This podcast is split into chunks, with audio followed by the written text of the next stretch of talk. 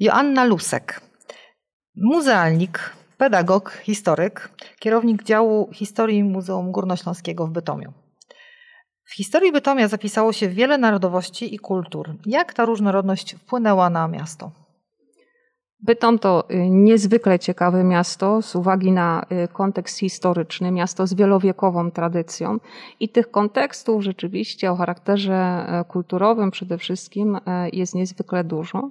E, ale tak warto zacząć e, historię od początku. Miasto o wielu wpływach, bo i czeskich, i polskich, i niemieckich. Pamiętajmy o tym, że e, najpierw Bytom związany był z Piastami Śląskimi, później z Hohenzollernami, z Donnersmarkami, kiedy był wolnym państwem stanowym, jako jedno z nielicznych na tym właśnie terenie. No i od 1742 roku podlega już wpływom pruskim i ten wpływ wpływom niemieckim podlegać będzie aż do 1945 roku, e, czyli aż do momentu zakończenia e, II wojny światowej i potem wchodzi już administracja polska. E, zatem niezwykle, niezwykle ciekawa historia, czyli i język czeski, język niemiecki i język polski, te wszystkie wpływy na tym właśnie niewielkim obszarze nam się kumulują.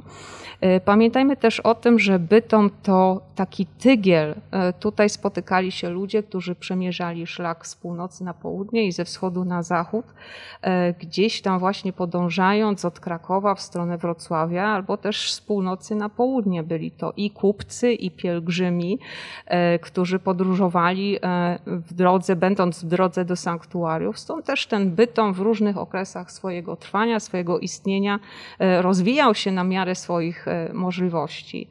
E, pielgrzymi generowali fakt, że potrzebne było i hospicjum, i takie miejsce, w, których, e, w którym mogliby podlegać opiece. Stąd też hospicjum bożogrobców w Bytomiu już w wieku XIII. I pamiętajmy o tym, że ta historia związana z Bytomiem to również historia kopalin, czyli najpierw mamy srebrny Bytom, a później bardziej ołowiany na końcu końcu natomiast e, już ten czarny bytom, gdzie e, kruszec w postaci węgla kamiennego jest wydobywany i bytom otoczony jest praktycznie ze wszystkich swoich stron kopalniami węgla kamiennego. E, stąd też i potentaci przemysłowi, którzy na tym terenie rozpoczynają swoją działalność. I możemy powiedzieć, że w połowie praktycznie XIX wieku zaczyna się ten wielki, dynamiczny rozwój tego miasta i trwa chyba tak naprawdę aż do dzisiaj. Może troszkę w innym kontekście, ale e, mimo wszystko to miasto cały czas e, próbuje się e, rozwijać. Miasto to również ludzie. Trzeba o tym pamiętać, żeby historię każdej społeczności miejskiej rozpatrywać w kontekście osób.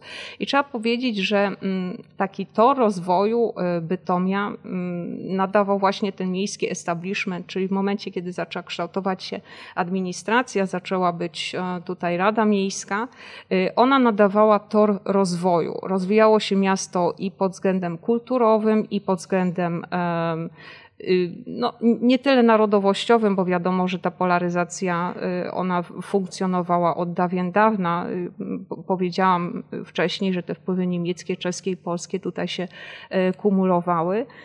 Y, ale to również rzemieślnicy, to y, kupcy, y, zatem ta wielka społeczność, która próbuje jak gdyby tworzyć się również poprzez różnego rodzaju stowarzyszenia, poprzez organizacje. Mamy też, pamiętajmy, obok siebie katolików, ewangelików i Żydów, czyli gminy wyznaniowe, które bardzo dobrze ze sobą korespondują i przez wiele lat przecież wytyczają no, tor y, i sposób funkcjonowania y, sam, samego miasta. Wiele instytucji y, związanych i z administracją państwową, i z opieką społeczną, i z opieką zdrowotną, i z kwestiami edukacyjnymi, to przecież również jest wiele osób z takich bardziej, możemy powiedzieć, prestiżowych y, organizacji samorządu terytorialnego, e, budynek więzienia, budynek e, sądu, e, budynek koszar, to wszystko jest druga połowa XIX wieku to stulecie między połową XIX a połową XX wieku odnosi się do Bytomia również w zakresie edukacji, czyli sporo jest tych instytucji, które pozwalają przygotować różnego rodzaju wykwalifikowany personel z tych najbardziej prestiżowych, oczywiście najpierw seminarium nauczycielskie, później akademia Akademia Pedagogiczna, która kształci w systemie akademickim, to jest e, wyższa szkoła e, górnicza, e, ale również sporo, sporo różnych placówek dla urzędników niższego i średniego szczebla. To jest szkolnictwo zawodowe i rzemieślnicze, i właśnie to handlowo-kupieckie, no i również sporo szkół najpierw elementarnych jeszcze w XIX wieku, później już e, szkół powszechnych. E, I ten e, dobry standard, możemy powiedzieć, bytom utrzymał również po II wojnie światowej. Jest to już trochę inna społeczność, bo Wiadomo, że II wojna światowa spowodowała fakt, że ludność wychodzi z Bytomia, szczególnie ludność żydowska, która po nocy kryształowej jest systematycznie z miasta wycofywana, y, czyli y, po części osadzana w obozach koncentracyjnych, po części ci ludzie zdołali jeszcze przed e, tym wielkim szumem, który niesie ze sobą II wojna światowa, e, z miasta po prostu e, zbiec, opuścić miasto. Natomiast po II wojnie światowej częściowo ci jego mieszkańcy, którzy w czasie tej wojennej zawieruchy no, miasto zmuszeni byli lub nie opuścić, wracają ale jest to również społeczność nowa. Mam tutaj na myśli e, ludność, która przybywa e, z kresów II e, Rzeczpospolitej i tworzy jak gdyby nową jakość tego miasta. To są też ludzie, którzy będą wchodzić w przemysł ciężki, ludzie, którzy przybywają z okolicznych wsi, którzy przybywają z Polski centralnej, a nawet i z Polski północnej po to, żeby znaleźć swoje nowe miejsce osiedlenia. Zatem tych wątków e, i historycznych, i kulturowych, e, i takich typowo, możemy powiedzieć, nie tyle narodowościowych, ile społecznych w Bytomiu jest wiele i to jest taka niesamowita mozaika, która tworzy ponad 760-letnią e, tkankę tego miasta. Istotną częścią dziejów Śląska były powstania i plebiscyt. W Bytomiu miało miejsce wiele ważnych wydarzeń związanych z tym okresem historycznym regionu. Które z nich są najistotniejsze? Trzeba by się cofnąć troszeczkę wcześniej, czyli do przełomu właśnie XIX i XX wieku, kiedy tworzą się pierwsze organizacje stricte propolskie, y, Towarzystwo Gimnastyczne Sokół, które powstaje pod koniec XIX wieku i później Towarzystwo Kobiet E, które z czasem przekształci się w Towarzystwo Polek, ale oczywiście nie są to jedyne organizacje stricte propolskie, które na tym terenie powstają. One mają charakter i sakrum, i profanum, czyli związane są i z gminami wyznaniowymi, ale e, także z tymi celami o charakterze e, społecznym i o charakterze politycznym.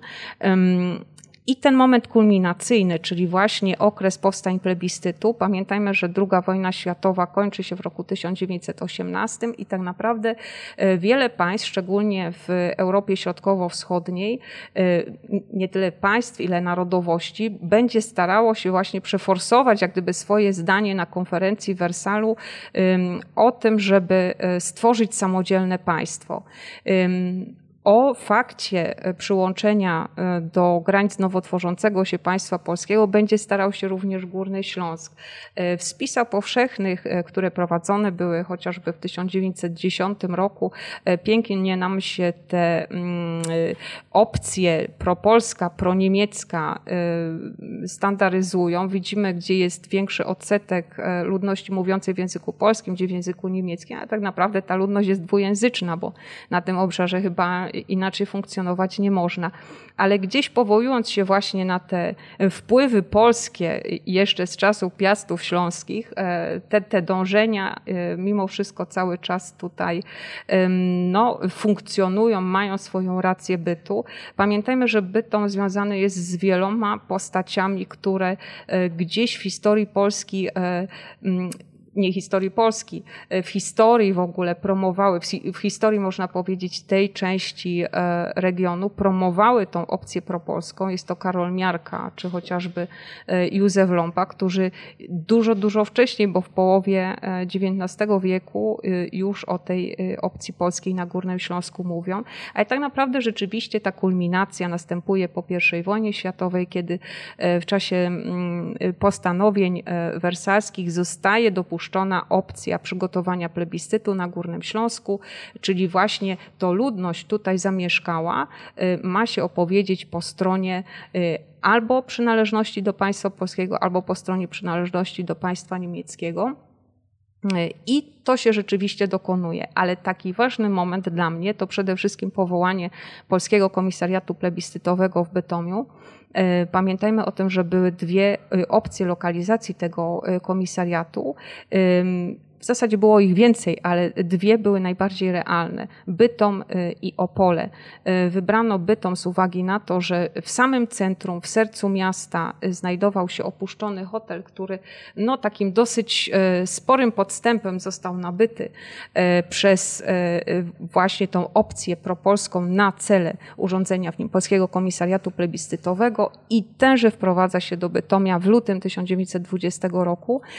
To jest konglomerat Y, pod każdym możliwym względem, przede wszystkim y, doskonałej pracy o charakterze administracyjnym y, i społecznym, ale tak naprawdę jego podstawową, podsta jego podstawowym zadaniem jest przygotowanie plebiscytu, czyli stworzenie list tych, którzy będą w tym plebiscycie głosować.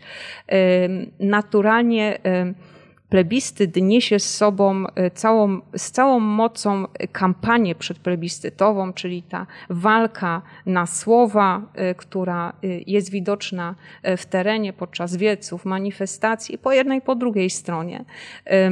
I oczywiście różnego rodzaju e, spotkania. E, to jest to, co widzimy na ulicach w postaci rozwieszonych plakatów e, i to, co przybliża nas do plebiscytu. Nie zapominajmy o powstaniach, bo tak naprawdę liczono na to, że powstania spowodują fakt, że ten plebiscyt sam w sobie nie będzie potrzebny. Czyli pierwsze i drugie powstanie przede wszystkim miało spowodować, tak jak w Wielkopolsce, powstanie, i e, bezpośrednio jak gdyby włączenie tego terenu do państwa polskiego. Tak też ma się stać z Górnym Śląskiem. Wiemy, że tak się nie stało e, i e, potrzeba było jeszcze trzeciego powstania już po plebiscycie, który no, nie tyle okazał się fiaskiem dla jednej bądź drugiej strony. Wiadomo, że ta polaryzacja i po jednej, po drugiej stronie była dosyć silna. Jeszcze jest ten spory obóz tych, którzy są niezdecydowani.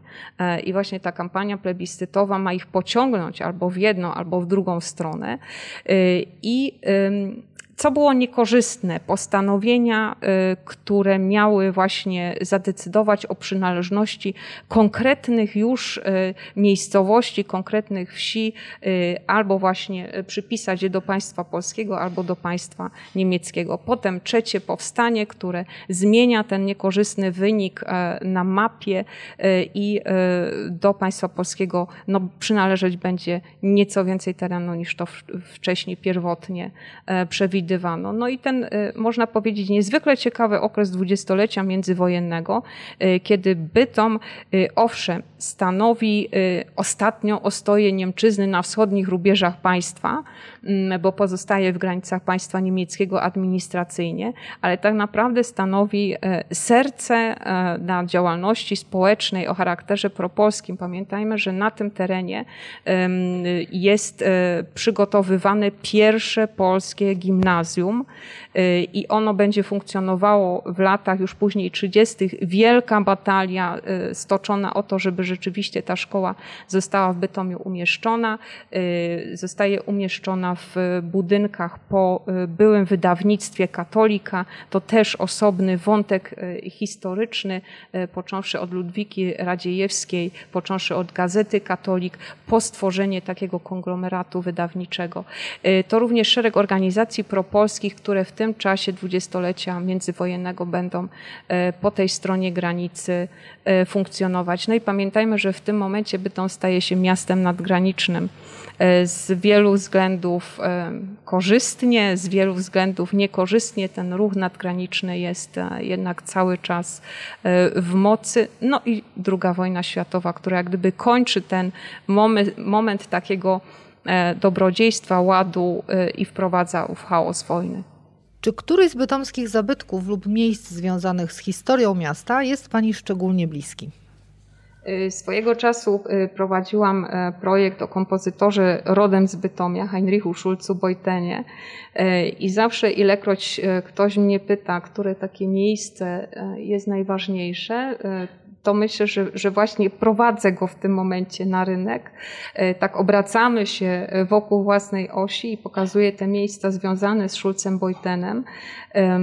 To jest oczywiście pozostałość, dzisiaj już taka kamienica nie istnieje, pozostałość po y, aptece e, Szulców e, przy rynku. Pamiętajmy, że ta apteka w Bytomiu, która powstała, była druga na Górnym Śląsku po Opolu. Zatem tu też taki splendor e, w tej dziedzinie, jeżeli chodzi o nasze miasto. To jest na pewno kościół mariacki w Bytomiu, mariacka fara z fantastycznym proboszczem, który również te wątki propolskie przemycał.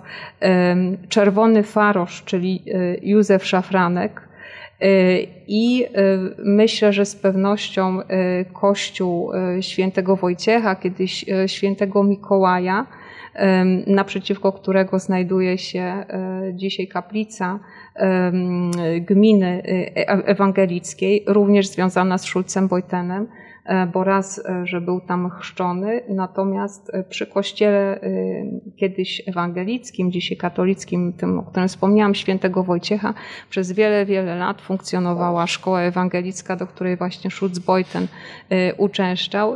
To jest takie łapanie tych momentów czasoprzestrzeni tego miasta, staranie się pójść e, jakimiś ścieżkami, może nie zawsze e, utartymi. Trzeba pamiętać, że żyjemy idąc po śladach i te ślady e, po prostu musimy łapać.